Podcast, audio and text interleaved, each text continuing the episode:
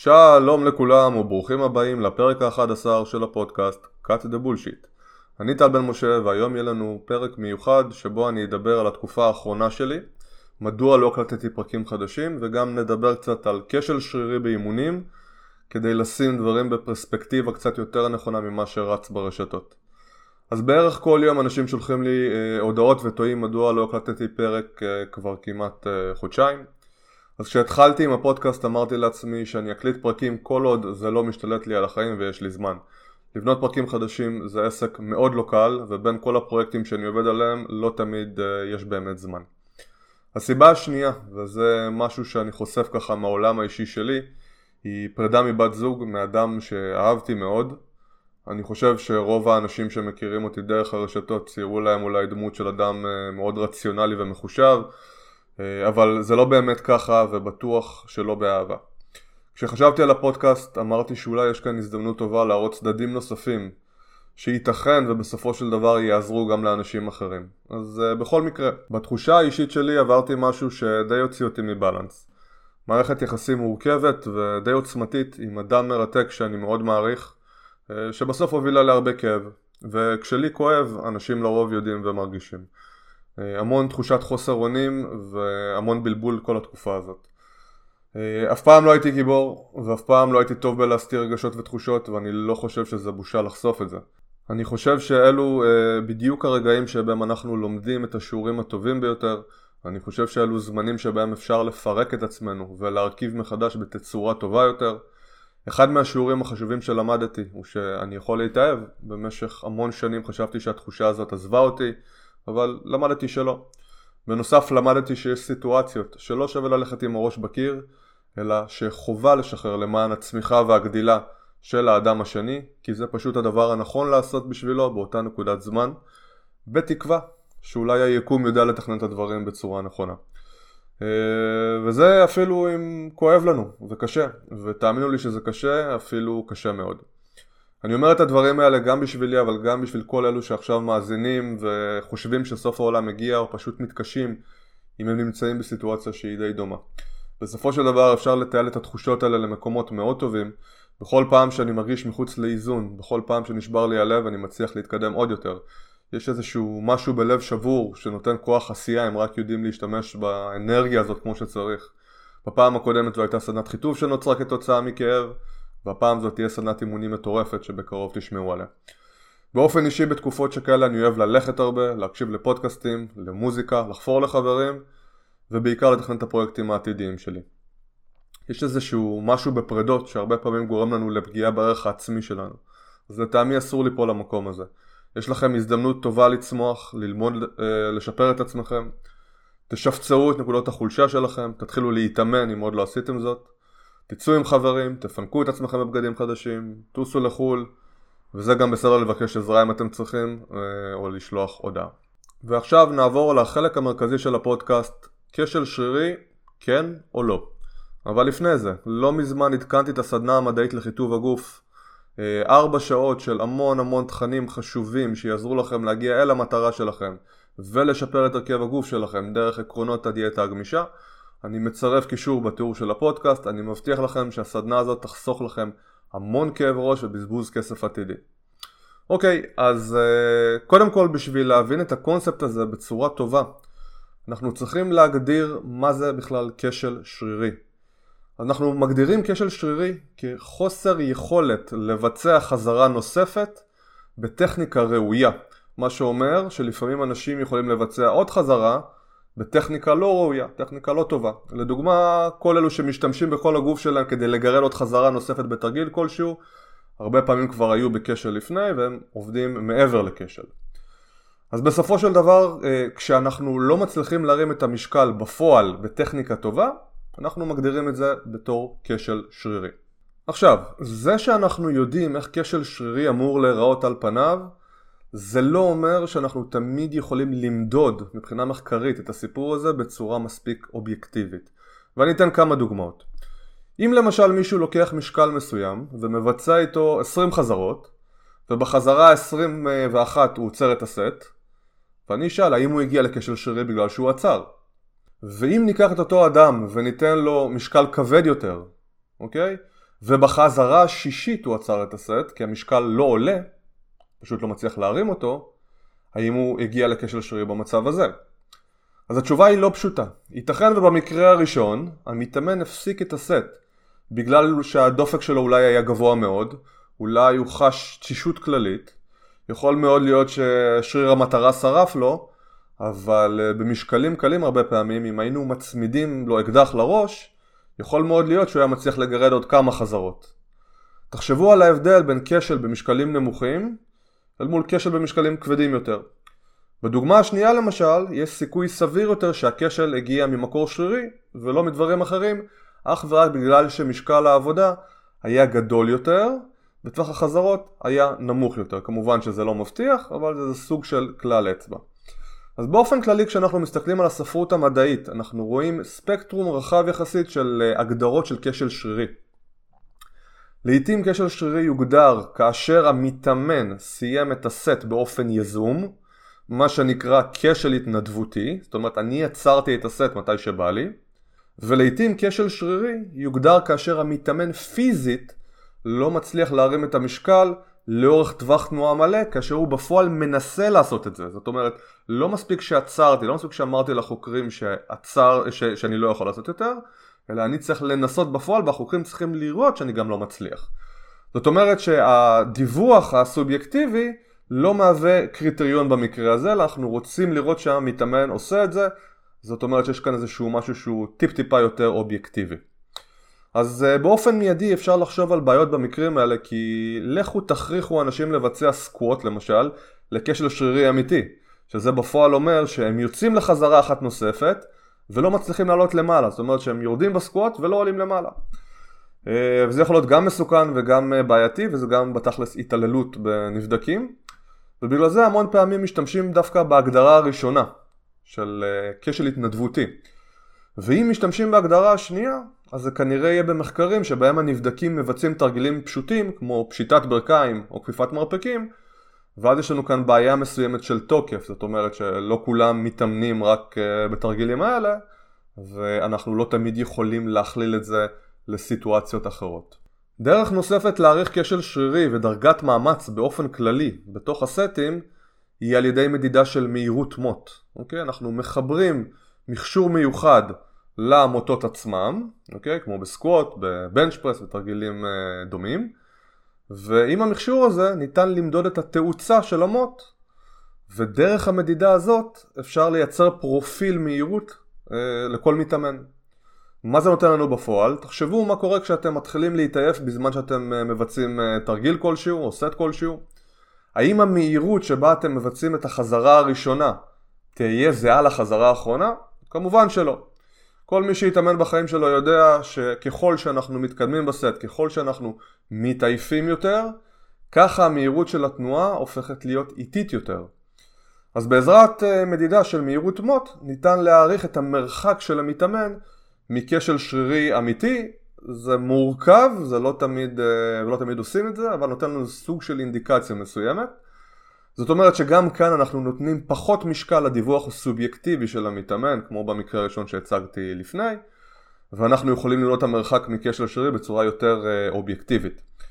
Uh, הבעיה היא, כמו שציינתי, שלא תמיד הנבדקים מגיעים באמת לכשל שרירי במחקרים האלה, uh, והחוקרים מגדירים אובדן מהירות מסוים שאותו הם רוצים לראות, ואז הם עוצרים את הסט. והאובדן מהירות הזה לא חייב להיות uh, באמת uh, כשל, זאת אומרת אנחנו יכולים להגדיר ירידה של 20% מהמהירות ההתחלתית או 40 אחוז וזה לא בהכרח אומר שהנבדק הגיע לכשל.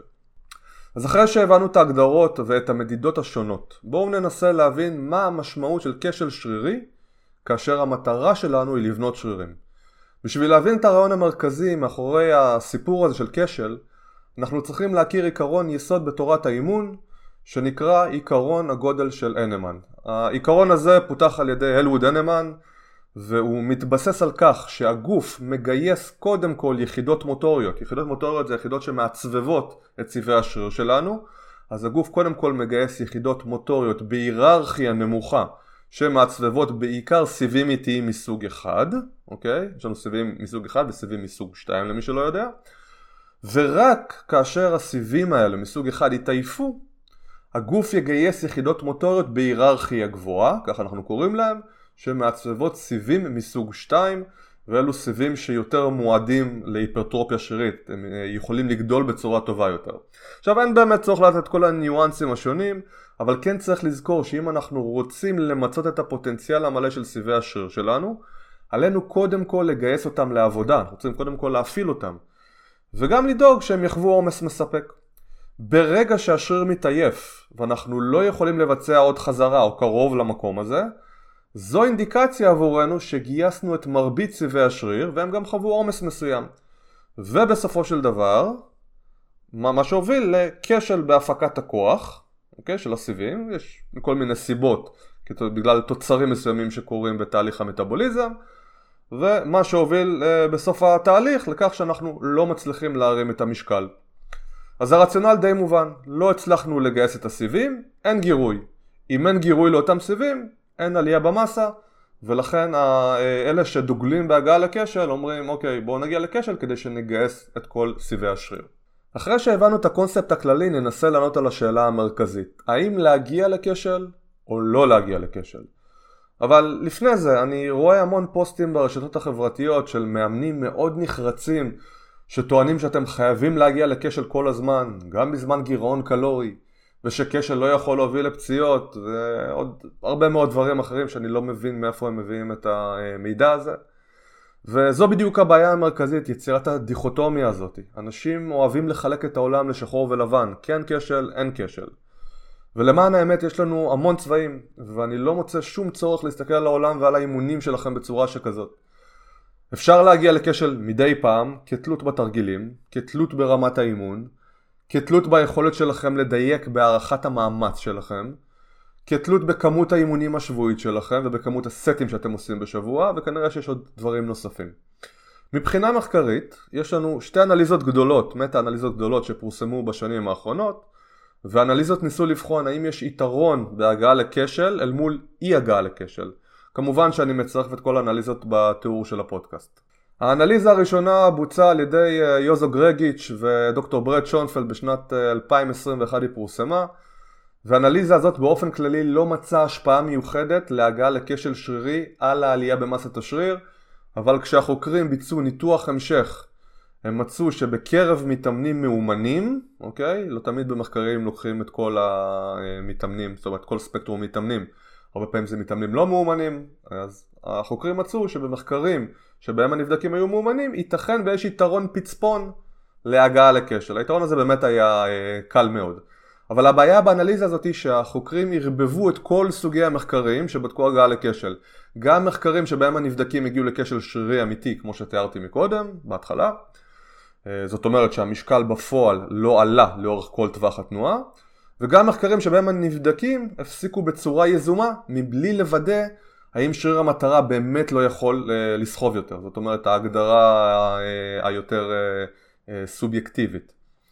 אז מה שיותר מעניין אותנו כרגע זו מטה אנליזה שפורסמה ממש לא מזמן.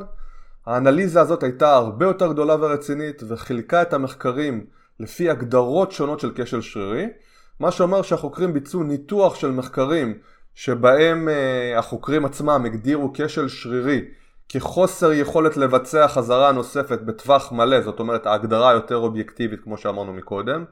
הם עשו ניתוח נוסף שבוצע רק על מחקרים שבהם כשל שרירי הוגדר כהפסקה יזומה של הסט, זאת אומרת על ידי הנבדקים עצמם, והניתוח השלישי השווה בין ירידה במהירות מוט לאחת לאחרת, כמו שאמרתי מקודם, למשל בין ירידה של 40% ממהירות המוט ההתחלתית אל מול 20% מהמהירות ההתחלתית.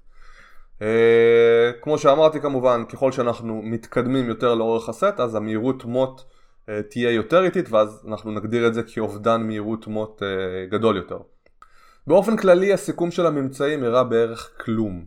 זאת אומרת שלא נמצא יתרון מיוחד להגעה לכשל שרירי אל מול מצבים אחרים, ועצם ההגדרה של כשל לא שינתה כאן משהו אה, דרמטי, זאת אומרת לכל הניתוחים השונים התוצאה הייתה די זהה.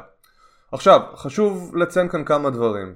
זה שלא נמצא אפקט, זה לא אומר שאין צורך להגיע לכשל שרירי, או שיש חשיבות מיוחדת להגעה לכשל שרירי, אוקיי? נראה שבאמת השטן נמצא בפרטים הקטנים, ואסור לנו לחשוב בצורה דיכוטומית, ואני אסביר. אסור לנו להסתכל על דברים בוואקום. כשל שרירי יכול למשל להוביל לעייפות מערכתית רבה, מה שיכול להוביל לירידה גדולה יותר בביצועים לאורך הסטים השונים, אוקיי, אם אתם באימון, ואפילו להאריך את ההתאוששות בין אימונים עוקבים. בנוסף לכל הסיפור הזה, יש לנו חוקרים שטוענים שבמחקרים שבהם הנבדקים מגיעים לכשל שרירי אמיתי, הם רואים יותר פציעות ויותר נשירה מהמחקרים עצמם, זאת אומרת שיש לנו כאן בעיה פוטנציאלית. אם אני אפשט את זה עוד יותר, תחשבו על זה. נניח ויש לכם אה, שלושה סטים מתרגיל מסוים, והגעתם לכשל בסט הראשון, ייתכן וצברתם עייפות גדולה שתפגע בכמות החזרות של שני הסטים הבאים שאתם עתידים לבצע. ותחשבו על זה, אה, ותחשבו מה קורה אם יש לכם יותר משלושה סטים לאותה קבוצת שרירים. אז אולי אפילו התרגילים הבאים ייפגעו. כשסיבי השריר לא מצליחים להתאושש כמו שצריך ויש קושי לגייס אותם לעבודה, אז בסופו של דבר הם לא יחוו עומס ולא יגדלו. וכמו שציינתי, הגעה לכשל גורמת לעייפות מערכתית רבה שבסופו של דבר יכולה לפגוע ביכולת של הגוף לגייס את אותם סיבים, במיוחד כשיש לי דרישת מאמץ שהיא בטווח זמן מאוד קרוב. עכשיו אני אציג מקרה אחר. נניח ואין לכם יותר מדי זמן להתאמן, ובכל אימון אתם עושים מעט סטים לכל קבוצת שרירים, או שבכלל לא בא לכם להשקיע יותר מדי בקבוצות שרירים מסוימות, אלא רק לתת להם אה, זבנג וגמרנו, אז ייתכן, ואם תגיעו יותר קרוב לכשל, או אפילו לכשל שרירי, זה יהיה ההימור הכי טוב שלכם, מאחר שאין לכם יותר מדי סטים לכל קבוצת שרירים, ולכן אתם תהיו פחות מוטרדים מצבירת עייפות גבוהה באימון שלכם, ואם יש לכם מעט אימונים במהלך השבוע, אז גם סביר שתתאוששו כמו שצריך. והנה יש לנו כאן שתי דוגמאות שונות למתי כן רצוי להגיע יותר לכשל ומתי פחות. ואלו כמובן קווים מנחים כלליים שמראים לנו שאסור בתכלית האיסור להסתכל על כשל שרירי שוב פעם בצורה דיכוטומית מבלי לערב משתני אימון נוספים. כמובן שגם התרגילים עצמם חשובים כאן. לא הייתי ממליץ לאנשים אה, להגיע ככה סתם לכשל שרירי אמיתי בדדליפט או סקווט או בנץ' פרס. באופן כללי אני פחות אוהב כשל בתרגילים רב מפרקיים טכניים ומעדיף לדחוף יותר בתרגילים חד מפרקיים פשוטים שבהם הסיכון לעייפות מערכתית נמוך יותר. וכמובן שגם הסיכון לפציעה בגלל אה, טכניקה לקויה או אובדן של אה, שיווי משקל נמוך יותר. אז uh, שימו לב לניואנסים ולדגשים האלה. חשוב לי גם להגיד שלא דיברתי כרגע על הגעה לכשל לצורך uh, שיפור כוח מתפרץ או כוח מרבי, ואני כן יכול להגיד שנכון להיום הראיות לחוסר צורך להגיע לכשל אם אנחנו רוצים לשפר את הרכיבי כוח האלו, uh, הראיות הרבה יותר חזקות מאשר הראיות במחקרים של היפרטרופיה שרירית, אבל אני לא אכנס uh, לחלק הזה בפודקאסט הנוכחי. אז אה, בואו נעשה איזשהו סיכום. כשל שרירי אמיתי הוא חוסר יכולת להרים את המשקל לחזרה נוספת בטכניקה ראויה לאורך טווח תנועה מלא. הסיבה שאנחנו רוצים להגיע לכשל או קרוב לכשל היא בכדי לגייס את מרבית צבעי השריר לעבודה ובכך נוכל לתת להם אה, גירוי יותר ראוי שיוביל אולי לעלייה גדולה יותר במסת השריר. האנליזה הגדולה האחרונה לא מראה שיש סיבה מיוחדת להגיע לכשל, אבל יש המון ניואנסים כמו שדיברתי על זה אה, לפני זה. במקום להסתכל על כשל או אין כשל, צריך לת... ללמוד להשתמש בכלי הזה בעת הצורך בהתאם לשאר מרכיבי האימון. אז uh, עד כאן הפרק של היום, אני מקווה שנהניתם והחכמתם, אתם מוזמנים לשתף את הפודקאסט אה, כמו שציינתי אני מצרף קישורים לכל המאמרים אה, בתיאור של הפודקאסט כולל הסדנה, בקרוב תהיה סדנת אימונים מטורפת, באמת אה, השקעתי בה המון המון המון. אתם יכולים למצוא אותי בפייסבוק ובאינסטגרם תחת השם טל בן משה, אתם יכולים לשלוח לי מייל ל-mytrainer6 את gmail.com אם אתם רוצים לשתף משהו, רוצים לדבר או כל דבר שלא יהיה אז בשמחה. אני הייתי טל בן משה ואנחנו נתראה בקרוב.